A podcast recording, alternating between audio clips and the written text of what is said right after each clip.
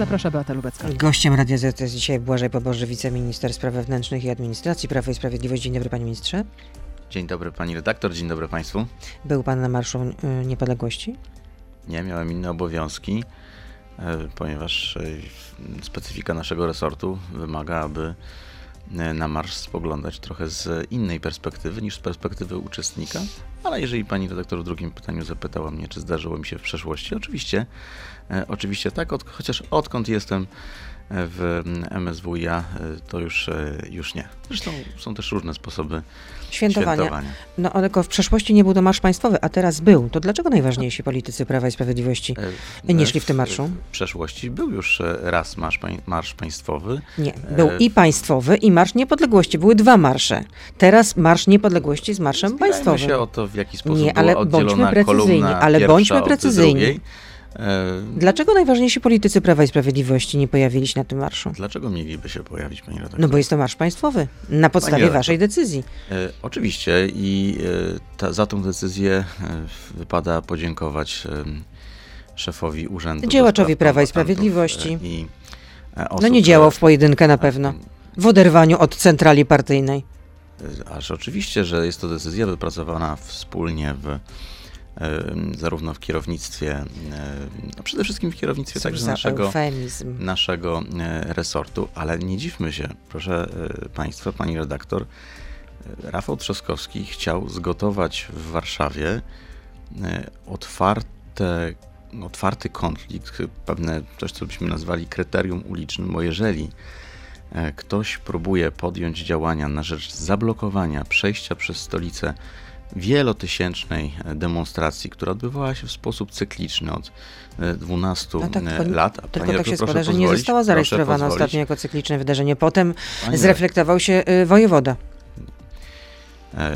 Możemy i o tym na czynniki pierwsze nie, to nie, rozłożyć. Nie, chciałabym się ale... skupić, co było wczoraj generalnie. Czy, czy premier i prezydent po prostu wstydzą jeżeli, się pójść ramię w ramię z panem nie Bokiewiczem? Nie dokończyć nawet żadnego ze zdań, no to nasza rozmowa będzie bardzo poprzerywana. No zapytała mnie pani, dlaczego nie uczestniczyli w tej E, demonstracji politycy Prawa i Sprawiedliwości. Ja pani odpowiem dlaczego. Po pierwsze, Prawo i Sprawiedliwość e, organizuje e, od lat w okolicach 10-11 listopada swoje własne obchody. Jest to Marsz Pamięci 10 w, w Dobrze, wolicie Kraków, nie Warszawa. Powrotu, a potem jesteśmy w Krakowie od wielu, wielu lat. Oczywiście wielu sympatyków, wyborców, zwolenników Prawa i Sprawiedliwości idzie w Marszu Niepodległości, no ale w tym roku ograniczyliśmy się do tego, aby, mm, no, skoro Rafał Trzaskowski sięgnął tutaj po e, pewien trik, aby odpowiedzieć na to w sposób taki, który pozwoli marsz A zalegalizować, a następnie uczynić go bezpiecznym i dać możliwość tym wszystkim polskim patriotom, rodzinom, końcu, ludziom, którzy zjeżdżają z całej pan, Polski, aby triku. przejść no ale to przepraszam bardzo, duża polityka polega także na tym, że się aby, triki. aby, aby y, zachowywać się odpowiedzialnie. Odpowiedzialna władza, odpowiedzialny rząd, jeżeli ma e, perspektywę doprowadzenia do e, zamieszek na ulicach Warszawy, a pamiętamy, co się zdarzyło podczas zeszłorocznego Marszu Niepodległości. To była regularna bitwa przed tak jest, to to mm, działania prezydenta stolicy, który otwarcie e, zmierza do prowokacji polegającej na tym, że legalnym chce uczynić demonstrację kilkunastu osób, przeciw którym, co oczywiste, będą protestowali e, od lat uczestniczący w Marszu Niepodległości mm, Polacy, no pewnie sympatycy głównie tych środowisk narodowych, no to odpowiedzialna władza musi w takiej sytuacji reagować. I ponieważ uważamy, że decyzja Trzaskowskiego była e, prowokacyjna, decyzja sądu błędna, niesłuszna, bo wynikała ze złej interpretacji przepisów, zapadła decyzja o upaństwowieniu tej uroczystości. Ale nie mogło to oznaczać jednocześnie zabrania tym społecznym organizatorom e, Marszu Niepodległości no, faktycznej organizacji i w związku ale, z tym ograniczył się tylko do udziału tak, że... szef Urzędu do Spraw Kombatantów. Ale czy nie jest tak, że władza tak naprawdę oddała oddała państwowe święto w ręce Roberta Bąkiewicza. I to on i jego armia teraz wyznaczają państwowy kanon patriotyzmu. Państwo, nie opowiadajmy takich rzeczy, bo e, gdy e, ktoś chciał choćby tylko w Warszawie. Pamiętajmy, że jest to najważniejsze nasze narodowe, państwowe święto i w całej Polsce jest ono obchodzone, ale w samej Warszawie oferta e, różnych uroczystości towarzyszących temu świętu była bardzo szeroka.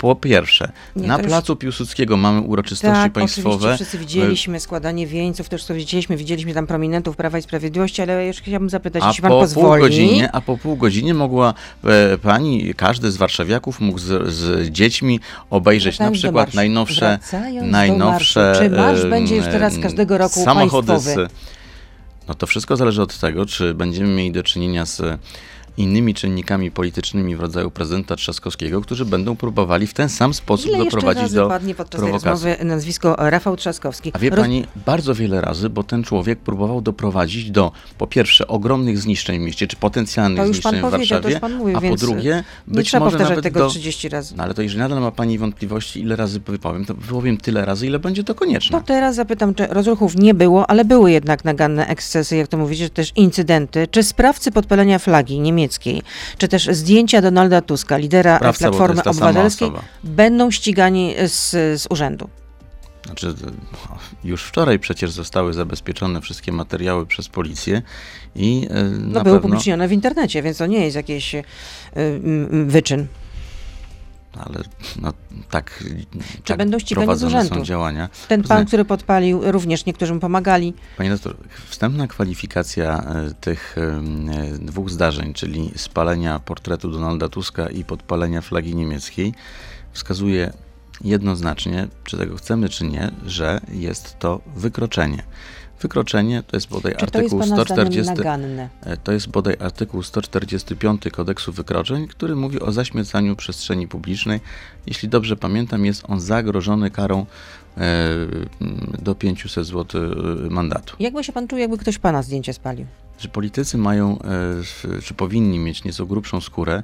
Gdybym ja się przejmował tym, jaki e, hejt jest wylewany na mnie po każdej wizycie e, w mediach i jak no, przerabiane są moje grafiki, to zapewniam panią, że politycy są do tego przyzwyczajeni. Zresztą można się z Donaldem Tuskiem spierać, ale akurat wczoraj wybrnął on z tej niezręcznej sytuacji w sposób no, nawet jak na niego czy na Pawła Grasia, bo podejrzewam go o prowadzenie tego konta na Twitterze, całkiem dowcipnie, mówiąc o tym, że się on pali. Ale do... się do jeszcze cięższej pracy na rzecz Dokładnie. niepodległej napisał Donald Tusk na tak, swoim profilu. Nawet zastanawiałem się przez chwilę, czy nie powiedzieć, że powinien palić się generalnie ze wstydu, ale postanowiłem jednak przy święcie podarować sobie tą szpilę dla Donalda Tuska. No ale teraz pan sobie nie podarował jednak. No i trochę pan szpilę Bo jesteśmy już na zajutrz, więc myślę, że już możemy wrócić do tej do tego bieżącego starcia w polskiej polityce, bo widać, że i opozycja niestety po no, 24-godzinnej E, postawie takiej państwowej, no jednak wróciła bardzo szybko na,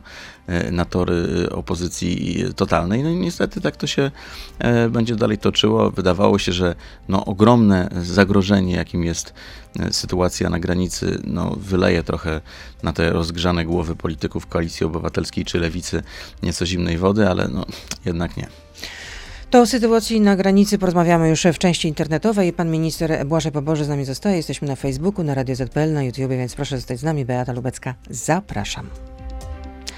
Błażej Poboży, wiceminister spraw wewnętrznych administracji jest z nami, ale jeszcze zanim porozmawiamy o tym, co na granicy, to chciałabym zapytać, czy ktoś ostrzegł narodowców, żeby się nie awanturowali? Ktoś od was? Czy, czy były takie rozmowy co to znaczy ktoś ostrzegł? No ktoś, no rozumiem, no przecież yy, mogliście rozmawiać z panem Bąkiewiczem, czy też z jego Jest, yy, z narodowcami. powiem tak. Yy, środowiska narodowe mają ogromne przywiązanie do swojej a, tożsamości, historii, i też y, muszę powiedzieć, że w ostatnim czasie. Odpowiada pan na pytania, zaczyna pan zmierzam, tutaj robić wykład. Nie, no, z całym zmierzam. szacunkiem dla pana y, wiedzy, ale zadałam konkretne pytanie. Czy rozmawialiście z narodowcami, żeby się nie awanturowali? Czy to po prostu może to znaczy? była jakaś pani umowa redaktor, dżentelmeńska? Pytanie pani redaktor jest pytaniem z tezą, to znaczy, że środowiska narodowe przyjeżdżając na marsz, czy ktokolwiek, kto idzie na marsz, zamierza się na nim awanturować.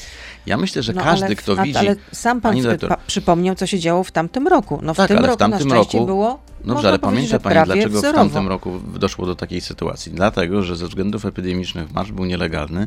Organizatorzy zaproponowali formułę mm, zmotoryzowaną, nie dotrzymano tego ustalenia. W grupie e, uczestników marszu pieszego towarzyszącego kolumnie zmotoryzowanej znajdowali się jacyś chuligani i prowokatorzy, no i doszło do, do konfrontacji, która została w sposób no, mniej lub bardziej, ale w mojej ocenie e, bardzo profesjonalny sposób spacyfikowana. W tej chwili, a w tej chwili e, myślę, że każdy z uczestników marszu, zresztą mieliśmy tego piękny dowód na początku tego marszu na e, Rondzie Dmowskiego, zdaje sobie sprawę, w jak trudnym momencie jest Polska w tej chwili, jak wymaga to od nas ogromnej obywatelskiej i państwowej odpowiedzialności i zapewniam, że żaden z uczestników nie miał nawet pomysłu do tego, aby wszczynać na tym e, awanturę. Co więcej, proszę zwrócić uwagę, że na inauguracji tego marszu uczestnicy e, tego zgromadzenia podziękowali oklaskami formacjom podległym Tak, słyszałam, Jako i widziałam, ja bardzo dziękuję naszym formacjom za super profesjonalne zabezpieczenie wczorajszego wydarzenia, które pozwoliło wszystkim tym 80 czy 100 tysiącom uczestników w sposób godny, tak jak do tego są przyzwyczajeni, przeżywać to święto, uczestnicząc w marszu. Ilu było tych uczestników? Według szacunków policji, jestem po rozmowie z komendantem głównym policji, było to 80 tysięcy osób. A zatrzymano ile osób? 10, tak? Mm, Chyba 8 z tego, większość jeszcze przed samym zgromadzeniem. Za posiadanie narkotyków, tak? tak, 7 z osób za posiadanie narkotyków, jedna w jakiejś innej sprawie. Dlaczego o to pana zapytałam? Bo spotkałam się z opinią. Były dyrektor Biura e, Kryminalnego Komendy Głównej, Marek Dyjasz, w rozmowie z Wirtualną Polską mówi tak. Najwyraźniej narodowcy dostali wyraźny sygnał od rządzących. Macie zachować spokój, bo to w przyszłości będzie się wam opłacać.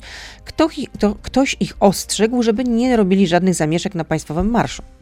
Raz jeszcze to powiem, jestem przekonany, że każdy, komu w sercu leży przede wszystkim Polska, nie będzie w tym czasie, w którym znajduje się nasze państwo, w czasie ogromnego zagrożenia zewnętrznego, podejmował e, jakichś działań, które miałyby służyć destabilizacji.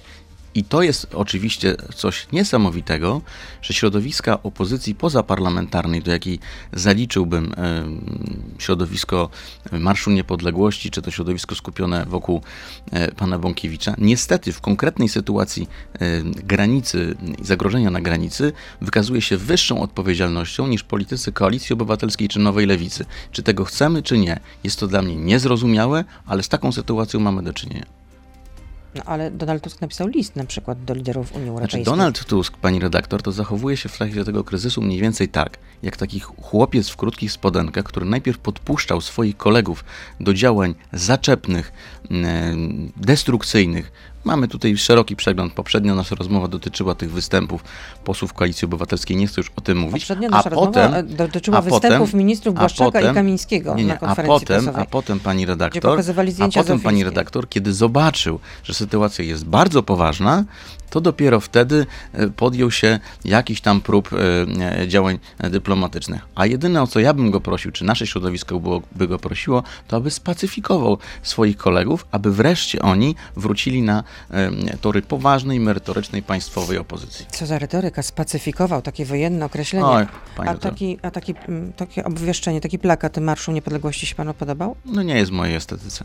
Nie no, to jest nawiązanie po prostu do II wojny światowej. No to jest po prostu Albo, taka, do, e, albo taka do pierwszej. stylistyka. Pamiętajmy, że taka stylistyka, jaką stosowali e, e, Niemcy na terenach okup- okupowanych, wieszając obwieszczenia. Ale powiedziałem już w pierwszej chwili, wojny nie podoba mi się estetyka tego plakatu. Uważam też, że jest A czy to jest skandal, że coś takiego zostało opublikowane i w ten sposób e, napisane, Wie przedstawione? pani co, panie doktor, ja rozumiem, że jeżeli Marsz Niepodległości, który wielu e, wiesz, wieściło, że będzie e, wieszczyło, że będzie jakąś wielką awanturą, że dojdzie tam do licznych obawialiście, że prowokacji, do, do, do, że będzie wiele różnych... Panie doktor, czy da mi pani skończyć jedno zdanie? E, Że dojdzie tam do jakichś wielu, pan wiele zdań. dojdzie tam do, do różnych prowokacji, ch- jakichś haniebnych, skandalicznych wydarzeń.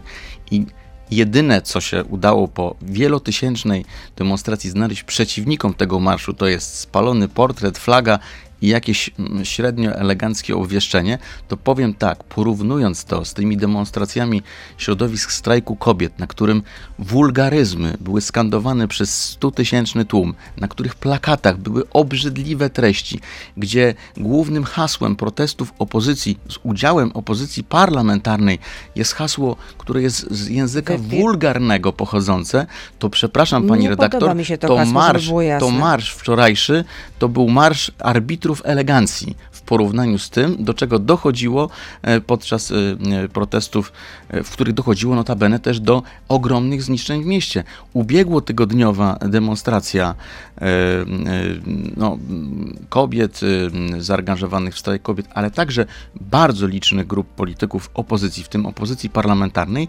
przyniosła więcej zniszczeń i dewastacji w centrum miasta niż wczorajszy Marsz Niepodległości. Czy mamy tego świadomość? Dlaczego o tym się nie mówi? E, pisały o tym gazety i to nieprzychylne Prawu i Sprawiedliwości, że w ubiegłym tygodniu po tym e, marszu no, dla Izy. E, marszu dla Izy, tak, przestrzeń w Warszawie, wiele kamienic zostało zdewastowane. Co to znaczy? Tak, co to znaczy usuwanie graffiti, napisów z, z zabytkowych kamienic? Koszty tego były wielokrotnie większe niż to, nad czym wczoraj ubolewał Rafał Trzaskowski, że trzeba było trochę kamieni czy, czy, czy żwiru z E, ronda Dmowskiego e, wynieść.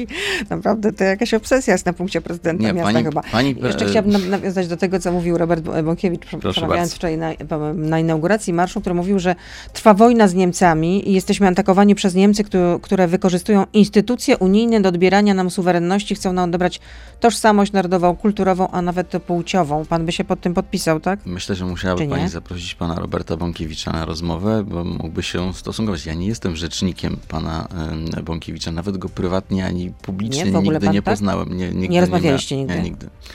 Nigdy. Nie jest tak, pana kolegą no, nie jest moim kolegą. Ja kolegów mam w swoim środowisku politycznym, chociaż mam i też e, kilku kolegów e, po innych stronach politycznej barykady. ale akurat pana, ale tak, no przecież ja m, nawet funkcjonowałem przez mhm. chwilę w, w samorządzie stołecznym w tak. najbardziej egzotycznej koalicji w Polsce z udziałem e, części środowisk Platformy Obywatelskiej, ale pana Bąkiewicza nie znam. Znam natomiast kilku e, innych e, działaczy e, tego Stowarzyszenia Marsz Niepodległości. No i, I na przykład bardzo i bardzo i bardzo i bardzo wysoko ich cenię. Część z nich to zresztą są absolwenci Wydziału Dziennikarstwa i Nauk Politycznych i no, są naprawdę mm, bardzo dojrzali i dobrze wykształceni młodzi ludzie. I tak to właśnie pan minister pokazał, jak sprytnie można uciec od, od konkretnego pytania, bo chciałam, żeby pan jednak to skomentował, czy rzeczywiście trwa wojna z Niemcami. No to kolejna taka wojenna retoryka i atak Nie trwa wojna z Niemcami. Na, na to, to, już, jeżeli chce pani jednoznacznie odpowiedzieć, nie trwa moim zdaniem wojna z Niemcami. Błażej Poboży jest naszym szefem, e, naszym gościem, przepraszam. Jeszcze nie, pani redaktor i chyba... E, no, taka pomysł, można powiedzieć pomyłka. Błażej Poboży, szef MSWiA, oczywiście z gościem Radia Z. Teraz tak, tak jak być powinno. I tak jest faktycznie. Jak upłynęła noc na granicy z Białorusią? Czy coś się wydarzyło? Bo y, pana kolega z, z szefostwa, y, Bartosz Grodecki, mówił w Polsacie, że no, przewidywał, że wieczorem możliwy jest szturm. Możliwe są dwa warianty rozwoju sytuacji y, na granicy. Jeden to podejmowany rzeczywiście taki jak ten sprzed dwóch bodaj dni szturm w Kuźnicy. No i drugi, który w mojej ocenie jest bardziej prawdopodobny i przynajmniej na razie na to e, wygląda, to stworzenie po e, białoruskiej stronie takiego usnaża 2.0, czyli takiego większego obozowiska z udziałem migrantów, z którego punktowo co pewien czas będą wychodziły takie grupy migrantów prowadzone przez swoich białoruskich pomocników ze służb oczywiście e, z zamiarem szturmowania e, naszej granicy albo próby jej e, przedarcia. Zresztą wczoraj w nocy i dziś rano mieliśmy dwa takie przypadki. Pierwsze depesze już tej prawie zeszły, ale wszystkie te próby zostały udaremnione, co po raz kolejny dowodzi ogromnego profesjonalizmu. Ale ile osób próbowało się przedostać na naszą stronę? W jednej grupie było to chyba 35 osób, które próbowali Białorusini przepchnąć na na naszą stronę. W drugiej grupie była to większa grupa, ale ona nawet nie zdążyła e, podjąć takiej skutecznej próby rozerwania e, ogrodzenia. To tylko pokazuje po raz kolejny ogromny profesjonalizm naszych służb, zarówno funkcjonariuszy Straży Granicznej, wojska, jak i policjantów, bo pamiętajmy, żeby zrobić pewną klamrę między pierwszą a drugą częścią naszej rozmowy, że ponad 700, właśnie 700 funkcjonariuszy oddziałów prewencji oraz 100 funkcjonariuszy z oddziałów kontrterrorystycznych BOA no, wyjeżdża na, na naszą granicę właściwie od razu po marszu. I o tym między Mariusz, innymi... Mariusz Kamiński zapowiadał, tak jest, tak o będzie. to między innymi też, o tym informował e, minister Mariusz Kamiński, no, apelując tym samym do e, uczestników, aby zachowywali się w sposób godny, aby też pamiętali właśnie o tym, że e, policjanci, jak mówił kiedyś jeden z przedwojennych ministrów spraw wewnętrznych, policjanci to tacy żołnierze czasów pokoju i E, I jest coś w, tej wypowiedzi, bo rzeczywiście wykonują oni działania nie tylko na rzecz zabezpieczenia sytuacji wewnętrznej, ale jak w tym przypadku również dbają o bezpieczeństwo zewnętrzne naszego państwa. A jak długo będzie trwał ten kryzys? Nie Prawdopodobnie wiadomo. wiele miesięcy, dlatego no musimy być do niego przygotowani i jesteśmy przygotowani, bo mamy znowelizowaną ustawę o cudzoziemcach, ale przede wszystkim, co jest myślę ogromnym sukcesem naszego e, ministerstwa, to mamy też przyjętą ustawę o zabezpieczeniu granicy państwowej i, budowy, i budowie profesjonalnej zapory inżynieryjnej zintegrowanej z gruntem, która no naprawdę tak, będzie wyposażona w będzie absolutnie najnowocześniejsze... Półtora miliona złotych, bez miliarda. przetargu, miliarda, przepraszam.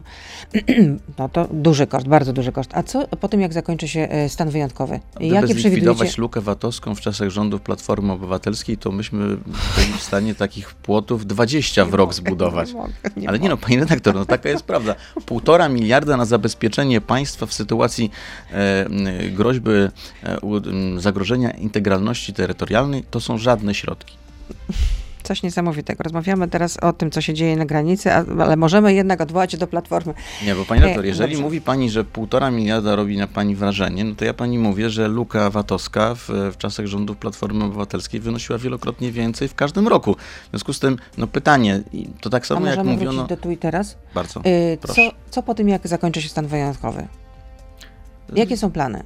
będzie, znaczy właściwie już w tej chwili pracuje nasz pełnomocnik do spraw budowy zapory inżynieryjnej, pan Marek Chodkiewicz, wybitny e, specjalista, doświadczony inżynier, człowiek z doświadczeniem w e, Najwyższej Izby Kontroli wieloletnim, e, człowiek z doświadczeniem też w sektorze prywatnym, a także wice, były wiceminister infrastruktury odpowiedzialny za te najważniejsze projekty drogowo-inżynieryjne i myślę, że to nazwisko, które znają ludzie z branży, zresztą no, bardzo życzliwie przyjęli, można powiedzieć, bardzo życzliwie przyjęli to, no no, nie mogliśmy znaleźć chyba lepszego fachowca i jest to pełnomocnik Straży Granicznej do budowy zapory. No i Pan... będą trwały prace nad no budową tak. trwałej zapory. Tylko, że nie chcecie mieć tam dziennikarzy.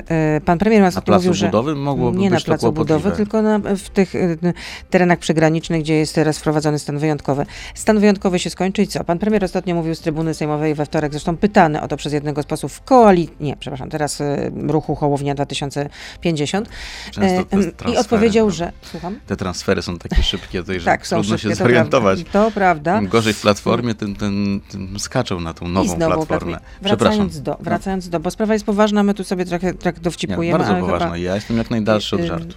Pan premier powiedział, że nie będzie, y, w, nie ma pomysłów o wprowadzeniu stanu wojennego, ale czy na przykład jednym z wariantów jest wprowadzenie obostrzeń w tych gminach przygranicznych y, przez wojewodów? Jest to jeden z możliwych wariantów. Znaczy, nie tyle traktowałbym to w kategoriach obostrzeń, tylko musimy pamiętać, że rozpoczęcie tak poważnej inwestycji, jaką będzie budowa zapory inżynieryjnej, będzie wymagała e, z, no, zlokalizowania tam pewnego zaplecza dla, dla, dla budowy tejże zapory. No i te firmy, które w, tym postępowaniu, które będzie prowadził e, pełnomocnik, będą włoniane, muszą przecież tam jakoś E, rozpocząć e, działania na rzecz budowy zapory, natomiast nic tu jeszcze nie jest przesądzone, na pewno e, zależnie od tego, jak wyjdą po pierwsze tym firmom analizy, także analizy geologiczne tego terenu, no tak, będziemy ale... zastanawiali się, w jaki sposób zagwarantować bezpieczeństwo zarówno tych pracowników wykonujących tą, e, tą zaporę, no jak i e, również e, naszych funkcjonariuszy wszystkich służb, które dbają o bezpieczeństwo naszej granicy w tej chwili. A co z imigrantami? Oni tam będą długo koczować i to jest pytanie do Aleksandra Łukaszenki. Aż będą po prostu umierać z powodu zimna? Nie, a my ich nie wpuścimy pod Ale nasz pani redaktor, znaczy, przepraszam, ale już chyba nikt się nie nabiera na to, że po drugiej stronie granicy mamy jakichś biednych, ziemniętych migrantów. Jeżeli tam również dzieci. Jeżeli. No, pan ma trójkę dzieci. Oczywiście. Nie jest pan wrażliwy na takie... jako rodzic nigdy bym ich nie naraził na to, żeby przeciągnąć ich przez całą e, Europę czy pół świata, e, wydać na to połowę swojego majątku i, by- i jeszcze potem. Nawet jakby pan em, był w bardzo krytycznej sytuacji Ale w ci swoim... ludzie nie są bardzo. swoim, a skąd pan wie? Pani, no chyba bo wiemy skąd jest. Co, co, co do każdej osoby, jest pan pewien, skąd- że, że ci ludzie skąd, nie byli pani redaktor, postawieni pod wiemy ścianą. skąd y, jest prowadzony ten sztuczny e, szlak migracyjny i proszę tutaj w ten taki no, szantaż jakiś moralny się nie uciekać, bo, nie jest to szantaż e, moralny. bo już mówię, jeżeli tylko y, y, obserwowaliby państwo czy nasi słuchacze i e, i, i, i widzowie e, obserwują te materiały, które są dostępne w internecie, to widzimy, jak właśnie niestety dzieci stały się orężem wykorzystywanym w tej e, hybrydowej wojnie przez reżim Łukaszenki. Te firmy szkoleniowe, na których e, na przykład pokazuje się, w jaki sposób doprowadzić dziecko do szybkiego płaczu, aby ono robiło wrażenie. Transparenty, które są rozdawane dzieciom. No chyba pani redaktor śledzi No, informacje, tak, no które tak, tylko, publikuje że- w mediach tylko, że- społecznościowych, choćby m, rzecznik ministra koordynatora, dyrektor Stanisław Żaryn. No właśnie, to są bardzo tylko na to, co nam po prostu podsunie władza. Natomiast my, dziennikarze, nie jesteśmy w stanie tego zweryfikować, bo nas tam po prostu nie ma. To kolejne pytanie. Kiedy wpuścicie tam dziennikarzy? No pan premier niby mówił, że może jest jakieś, jakaś y, możliwość stworzenia tam specjalnego ośrodka dla dziennikarzy. w trakcie obowiązywania stanu wyjątkowego. No, a nie można, przepraszam, y, y, Znaczy na pewno do 2 grudnia jest to moim zdaniem niemożliwe z uwagi na, e, na przepisy prawa. Pan premier powiedział o jakiejś formie budowy jakiegoś centrum. Myślę, że bardziej nie chodzi tu o fizyczną lokalizację, tylko może w jakiś sposób jakieś zintegrowanie możliwości e, tego kontaktu z, i przepływu tych informacji między dziennikarzami. No, ale pamiętajmy, że przecież dziennikarze prowadzą aktywność medialną bezpośrednio przy e, terenie przygranicznym i na pewno w momencie, gdy stan wyjątkowy przestanie obowiązywać, no to ta strefa e, ewentualnej aktywności medialnej, dziennikarskiej na pewno się troszkę powiększy, bo e, nie spodziewam się, aby na potrzeby budowy zapory inżynieryjnej była e, konieczność wyłączenia aż tak dużego obszaru, jakimi są w tej chwili. Ale pamiętajmy, że jeżeli mówimy o, czy mamy jakieś wątpliwości co do zasadności tej decyzji o stanie wyjątkowym, która, której oczywiście pewne negatywne konsekwencje ponieśli dziennikarze, ja się z tym zgadzam, jeśli chodzi o ich pracę, no to pamiętajmy, że na szali mamy też drugą wartość, jaką jest bezpieczeństwo obywateli polskich, jakim jest bezpieczeństwo państwa polskiego. No i mając te dwie e, wartości e, na, na szali, znaczy moja odpowiedź jest jednoznaczna i myślę, że odpowiedź większości Polaków jest też jednoznaczna, bo pamiętajmy, że badania opinii społecznej wiemy. są w tej sprawie Tak wiemy. jednoznaczne. Ale na szali również jest człowieczeństwo. Pan mi tutaj zarzucił e, szantaż emocjonalny, natomiast specjalna koordynatorka UNICEF do spraw uchodźców i imigrantów powiedziała się w tej sprawie, do spraw uchodźców i imigrantów e, w Europie i wyraziła, e, powiedziała, że jest zaniepokojona tym, co się dzieje e, na granicy Europy, jeśli chodzi o sytuację dzieci migrantów i zaznaczyła, że dzieci nie powinny być traktowane instrumentalnie w celach politycznych i dalej dzieci i ich rodziny mają prawo do ubiegania się o azyl, a także indywidualnej oceny ich potrzeb w zakresie ochrony. Ale pani redaktor, ja się podpiszę w całej rozciągłości pod tym stanowiskiem. Uważam, że sposób, w jaki reżim Aleksandra Łukaszenki traktuje migrantów znajdujących się na swoim terytorium jest absolutnie niedopuszczalny, skandaliczny i niehumanitarny. I oczywiście, gdyby ci migranci skierowali się na nasze przejście graniczne i tam złożyli wniosek o ochronę międzynarodową, mogą, taką, mogą o taką ochronę się ubiegać. Ale musimy pamiętać, że oni nie chcą tego zrobić, bo Polska jest ciągle traktowana przez nich wyłącznie jako kraj tranzytowy i ich prawdziwym celem y, y, są Niemcy i inne kraje Europy Zachodniej. I tu dochodzimy do ogromnego paradoksu. Większość z tych ludzi, ona wolałaby być nawet po nieudanej próbie e, sforsowania granicy cofnięta na tamtą stronę, a nie zamknięta w naszym ośrodku Straży Granicznej, bo to po pierwsze, według znowelizowanych przepisów oznaczałoby szybką konieczność odesłania na drugą stronę, a po drugie objęcie od razu e, zakazem wjazdu do e, e, całej tutaj strefy, strefy Schengen. A jeżeli tak było jeszcze kilka tygodni wstecz. Jeżeli taka osoba była, co państwo i co media niektóre krytykowały, odprowadzona na granicę, to wolała to rozwiązanie, bo to nie zamykałoby drogi do A, niestety, ponownej próby nielegalnego forsowania granicy z nadzieją przedostania się do Niemiec. To jest jeden z większych paradoksów tego kryzysu. Ten kryzys jest inny niż wszystkie dotychczasowe kryzysy migracyjne, bo nie jest na szlaku migracyjnym, państwo e, sąsiadujące jest zaangażowane w jego koordynowanie w jego przebieg, a ludzie, którzy są no, z jednej strony mówimy instrumentalnie wykorzystywani, też mają swoje zupełnie inne cele.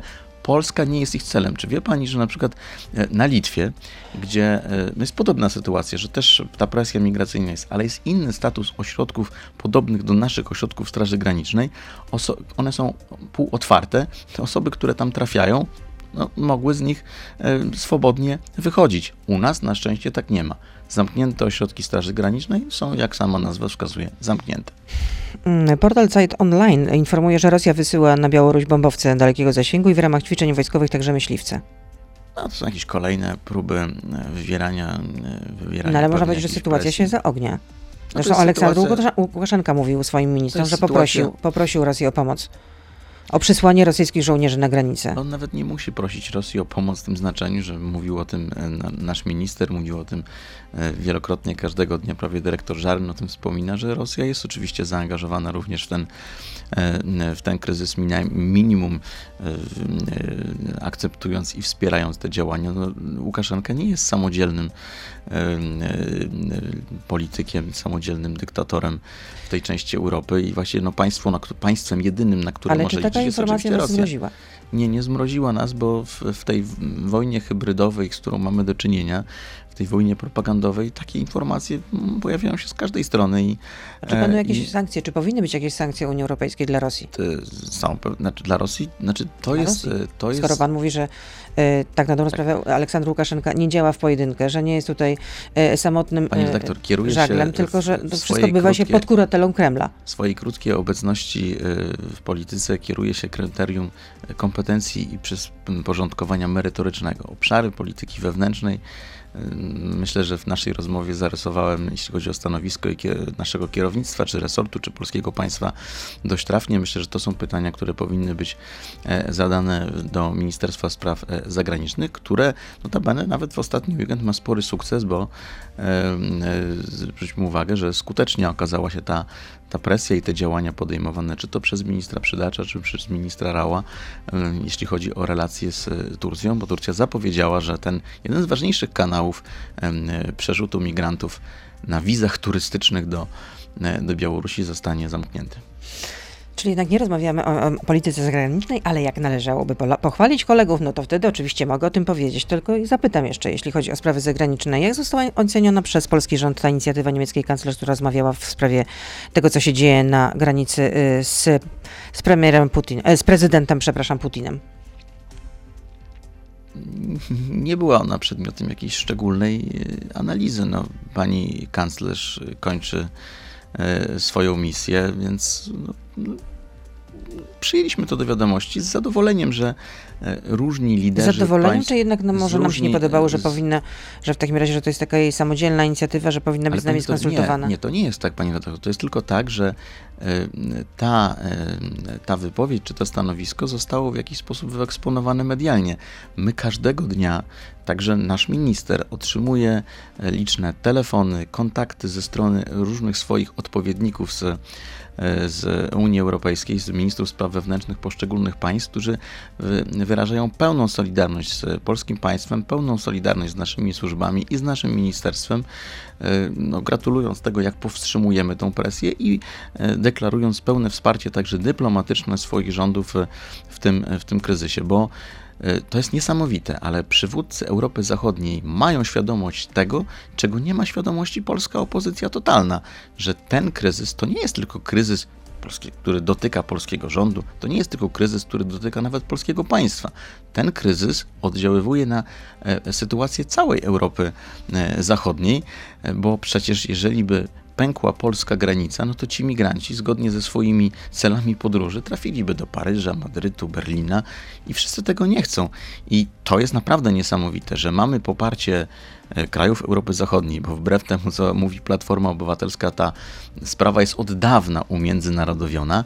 Mamy poparcie części opozycji w polskim parlamencie, mam tu na myśli e, Polskie Stronnictwo Ludowe, Konfederację, mamy poparcie środowisk społecznych, takich jak chociażby, e, tak to odbieram, środowiska skupione wokół e, Marsz Stowarzyszenia Marsz Niepodległości, a Polska, niby poważna, w przeszłości rządząca, opozycja totalna w rodzaju Platformy Obywatelskiej i Nowej Lewicy, niejednokrotnie mówi językiem białoruskiej propagandy. To jest przerażające. Po raz kolejny można było dowalić opozycji, zwłaszcza Platformie Obywatelskiej. Nie, Jeszcze można było powiedzieć trochę prawdy o tym, jaką narrację przyjmują poważni politycy. Czy naprawdę miała Pani dwa dni temu w, na swojej, e, swoim programie e, poważnego gościa, jakim był były minister spraw zagranicznych Grzegorz Schetyna? Nawet próbowałem przebić się tak. z jednym swoim pytaniem, e, ale, no nie zostało one no, zadane, no, ale być no, może no, za późno je zadałem. No ja, trudno, jako, żebym jeszcze w trakcie rozmowy po prostu Ale nie, jako wierny słuchacz, ja zawsze, i, i, zawsze staram się uczestniczyć, także jak nie jestem uczestnikiem tej audycji. To, to, to taka I zadałem, i zadałem można, pytanie, że tak. Można, żeby ciut wcześniej tak, jednak. Na pewno to zrobię następnym razem. Będzie czuł pan taką potrzebę? Zapytałem, y, więc może następnym razem pani będzie mogła zapytać liderów, tych poważnych liderów dawnej, starej platformy, czy im jest po prostu nie wstyd za to, że wprowadzili do polskiego parlamentu takie postacie jak pani Jachira, Sterczewski, Joński, Szczerba, to są dziś twarze Platformy Obywatelskiej, poważnej siły, która przez dwie kadencje rządziła w Polsce. Czy pani to nie przeraża? Czy ja mogę jeszcze zadać pytanie w Bardzo imieniu proszę. słuchaczy? Bardzo dziękuję i zapytam. Mamy dużo zachorowań na COVID-19. Dlaczego policja jest tak pobłażliwa dla osób nieprzestrzegających obowiązku noszenia maseczek? Na Podkarpaciu, na przykład w centrach handlowych, liczba osób bez maseczek jest zatrważająca. Czy brak kontroli w tamtym regionie ma związek z elektoratem Prawa i Sprawiedliwości? Kolejna jakaś absurdalna miejska legenda od y, y, kilku dni te kontrole są wyraźnie zintensyfikowane w całym kraju i nie dotyczy to tego czy innego województwa, ale na pewno z uwagi na to, że niestety y, mamy do czynienia z rozpędzaniem się czwartej fali pandemii, e, czy w naszym kraju epidemii COVID-19, na pewno te kontrole będą no, większe. Europa bo... Zachodnia sobie jakoś radzi, jeśli chodzi o powstrzymywanie tej czwartej fali, chociażby dlatego, żeby weryfikować się paszporty covidowe, a wy jednak nie chcecie tego zrobić. No jesteśmy w Polsce przeciwnikami wszelkiej formy segregacji sanitarnej. W związku segregacji z tym... Segregacji sanitarnej? No tak, no jeżeli, jeżeli posiadanie no, ja wiem, że to tak. Paszportu prostu... miałoby mm, wykluczać nas z nie, realizacji i praw i wolności obywatelskich. Był w tym studiu też, nie, nie, nie w tym studiu, to... ale na łączenie był profesor Robert Flisiek, członek Rady Medycznej i właśnie mówił, że to nie jest żadna segregacja, tylko profilaktyka i prewencja. Panie, to robimy wszystko, a jestem też w ramach, Mówię, nasze, w ramach. Nasze, w ramach naszego ministerstwa jestem osobą odpowiedzialną za nadzór nad resortową służbą zdrowia, więc naprawdę mm, jestem, myślę, tak sądzę, jedną z ostatnich osób, które by należało tutaj instruować w tym zakresie, w jaki sposób należy zwalczać pandemię, bo niestety albo stety dla mojego indywidualnego doświadczenia pewnie jest to cenna nauka, ale E, ten dwuletni czas mojej obecności w ministerstwie nie dość, że ma przyniósł kryzys na granicy, to przyniósł między innymi walkę z epidemią. I chcę powiedzieć, i jak już jesteśmy przy podziękowaniach, to pani pozwoli, że podziękuję naszej resortowej służbie zdrowia na czele z Centralnym Szpitalem Klinicznym MSWiA i e, który w Warszawie i zaraz chciałbym wbić pewnie, pewnie jeszcze jedną szpilę, ale może się powstrzymam tym razem, Proszę się który w Warszawie e, przyjmuje więcej pacjentów niż E, z COVID-19 niż wszystkie stołeczne szpitale razem wzięte. No Myślę, że każdy będzie w stanie wyciągnąć sam wniosek, dlaczego przecież, tak jest. Jak to się mówi, kolokwialnie robią bokami. O tym ostatniemu też mówiła wiceprezydent y, Warszawy Renata Kazanowska. Pozwoli mi pani się do tego odnieść? Nie. Wolne media? Wolne, bo nie szybkie. Proszę. Ale Pani, krótko, bo tak, kończy się nam czas. Tak, y, do y, samorządu zarówno y, warszawskiego, jak i mazowieckiego poszły ogromne środki na dostosowanie szpitali do czwartej Szpitala fali. Praskiego też? Do czwartej fali. No, to jest pytanie do dyrekcji Szpitala Praskiego, w jaki sposób wykorzystał ostatnie miesiące na przygotowanie się do fali A jakie pandemii. środki poszły na do- dostosowanie się tych szpitali?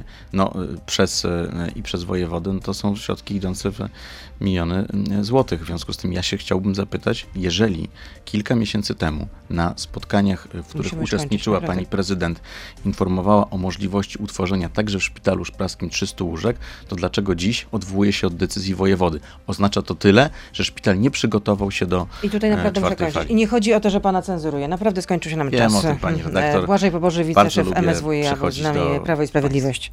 Dziękuję, do usłyszenia. Dobrego dnia i zdrowia nieustająco. To był gość Radia Z. Słuchaj codziennie w Radio Z i na player radioz.pl.